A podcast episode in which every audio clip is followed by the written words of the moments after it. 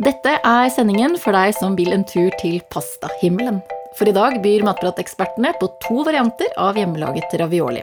Den ene er fylt med oksehaler, sopp og sjalottløk og serveres med nydelig kraft. Den andre raviolien fyller du med røkelaks, spinat og serverer med deilig nøttebrunt smør.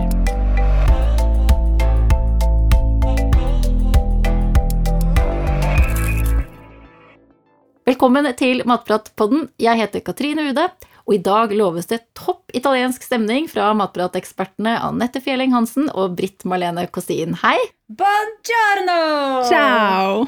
Ciao bella!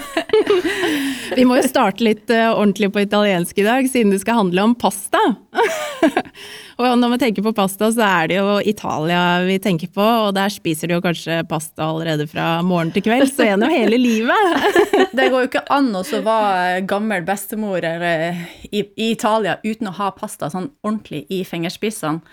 Eh, hvis du har sjekka ut den hashtagen, jeg syns den er litt morsom, på Insta, som er pasta grannies, så kan du jo se masse sånne søte, små italienske damer da, som, som står over kjøkkenbenken og bare koser seg med den pastarullinga og den, den håndlaginga av pastaen som de da driver på med der nede. Dere to har jo vært på studietur sammen til Italia eh, for mange år siden, der hvor dere lærte å lage pasta. Eh, ikke av en gammel bestemor, men av en ung mann. ja, det var vi. Anette elsker jo å dra opp den historien og erte meg litt med den. Vi var jo i Italia og lærte veldig mye, og det var jo en ja, ung mann som lærte oss opp på kjøkkenet der. ja, det var jo en kar da som var, ble veldig glad i Britt Malene. Han eh, konsentrerte seg kanskje mer om deg enn om pastaen, jeg vet ikke, men eh, vi lærte jo eh, litt forskjellige. Jeg vet ikke om husker ikke hva han heter engang. Romeo Emilio, et eller annet italiensk, da. Så ung, kjekk italiener der. Sikkert Tony. Sikkert Tony. Men eh, det jeg om Britt Malene ikke vet, da, egentlig, det er at jeg har fortsatt et bilde av han på telefonen min, så hvis du nå blir i beit noen gang, da, så vet du da, skal jeg sende deg til det.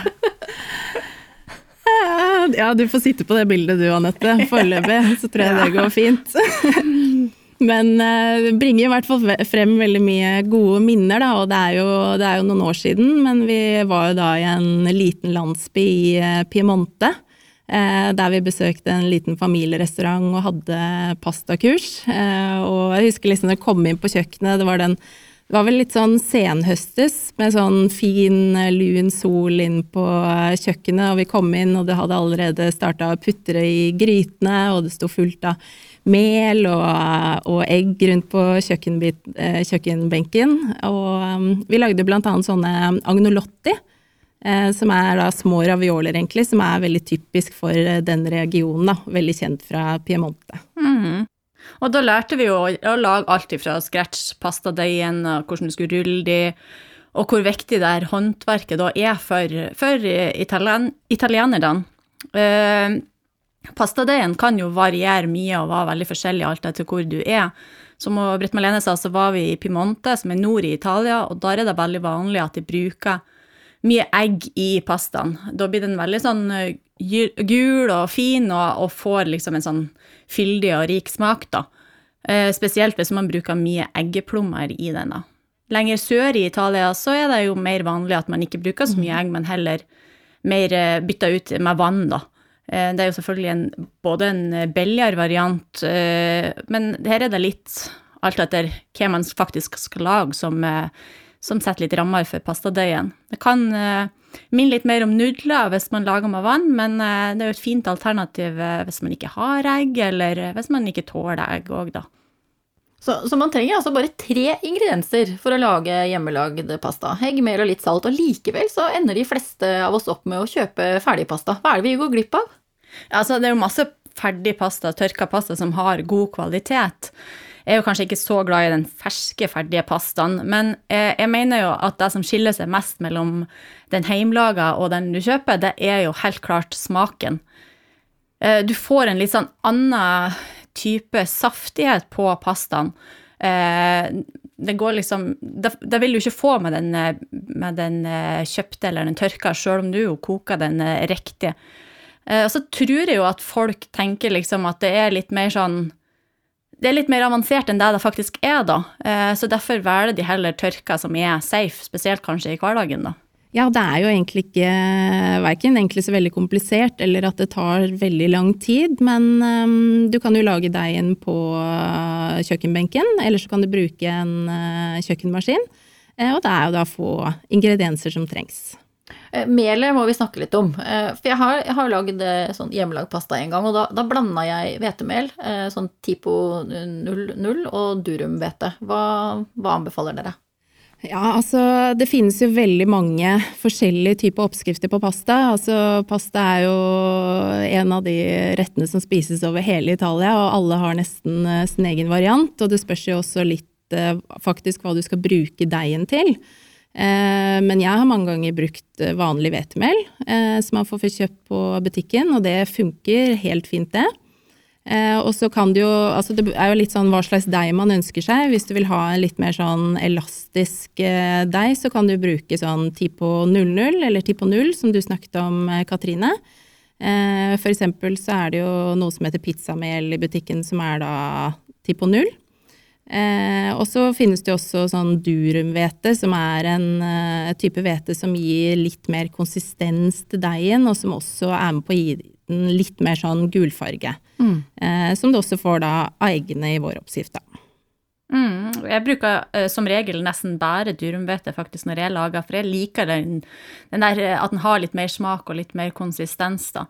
Men som Britt Marlene sier, så kommer det jo helt an på hvordan hvilken type pasta du skal lage.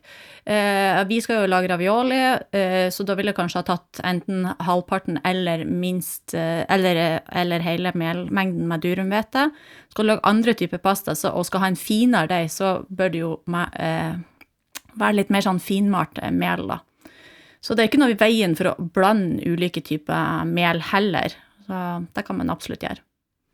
Da tar vi for oss eh, pastadeigen først, hvordan den skal lages, og så tar vi det fyllet som skal inn i ravioliene etterpå.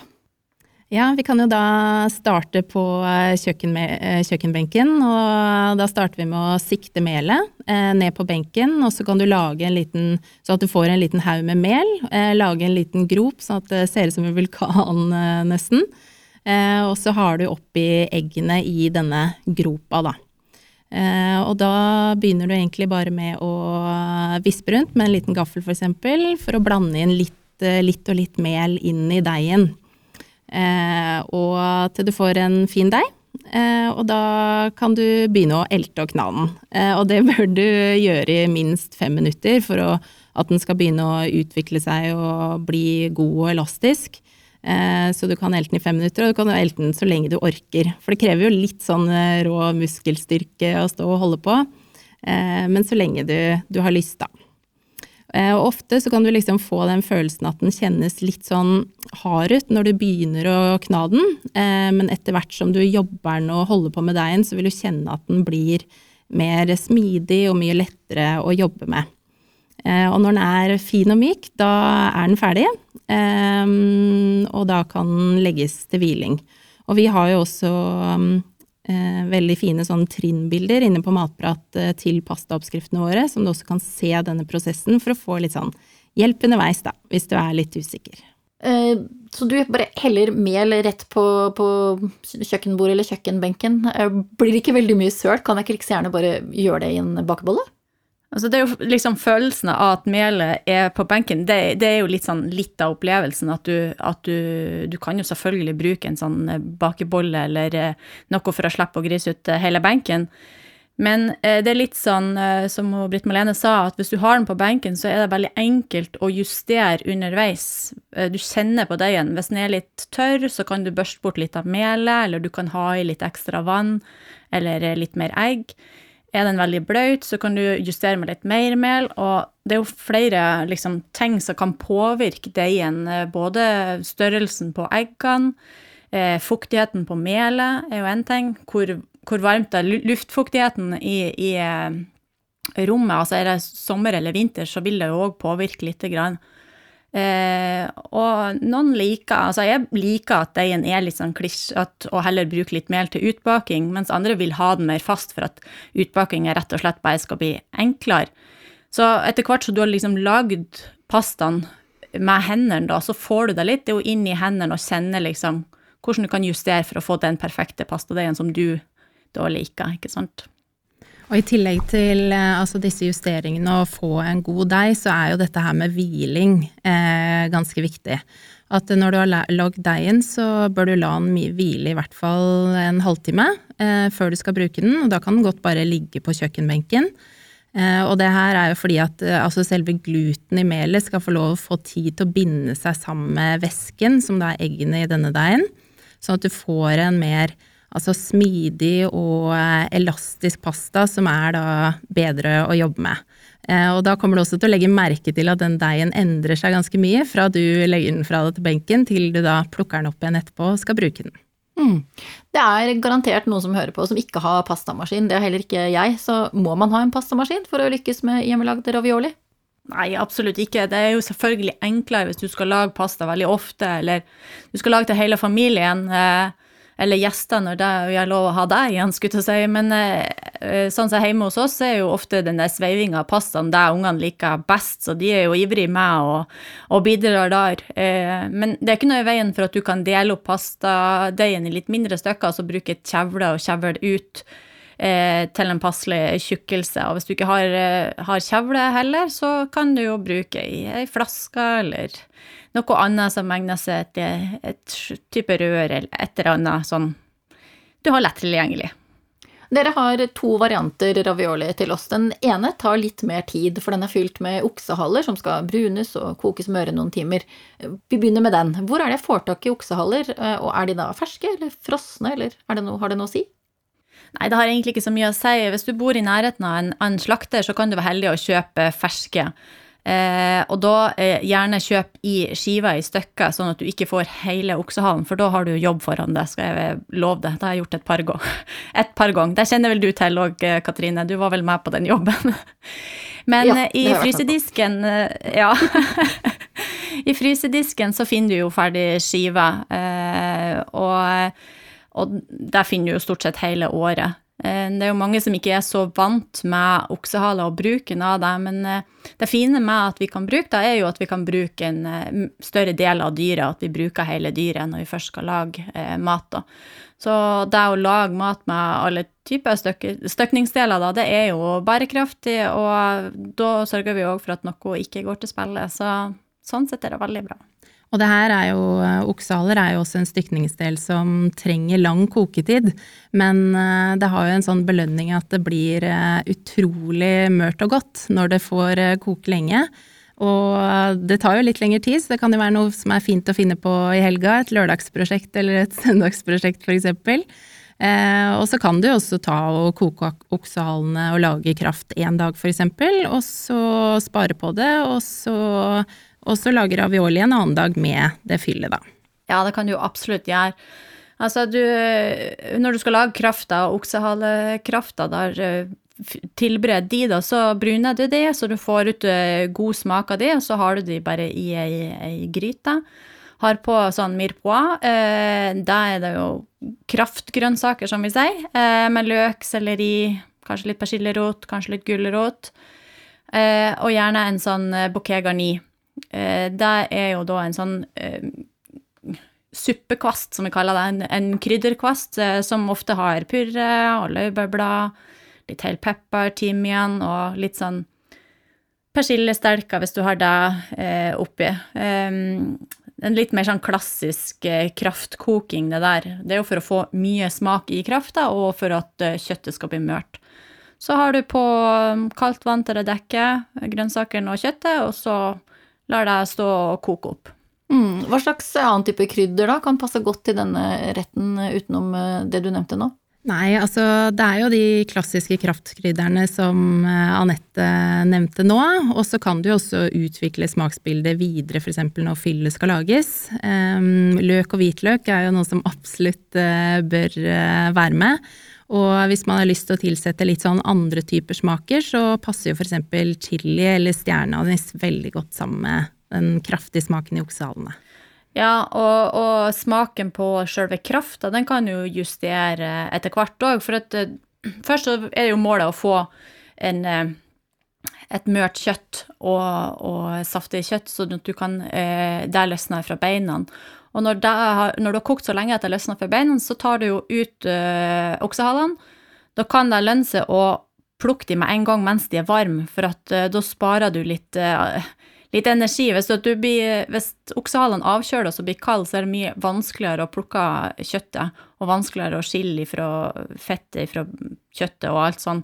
Så helst plukk de når de er varme, og sil krafta. Og så kan du jo redusere da krafta og få fram mye smak. Den kan jo gjerne reduseres til det halve, men du må følge med òg at ikke det du koker på en måte for mye heller, for da blir den veldig sånn klissete i, i munnen. Mm. Så når du skal lage fylle, så finhakker du sjalottløk og litt hvitløk og kutter sopp veldig fint. Eh, da kan du bruke enten en stavmikser eller en foodprosessor og få det ordentlig, ordentlig fint. For når du skal frese fylle, da, så er det viktig at du får ut masse fuktighet av fyllet.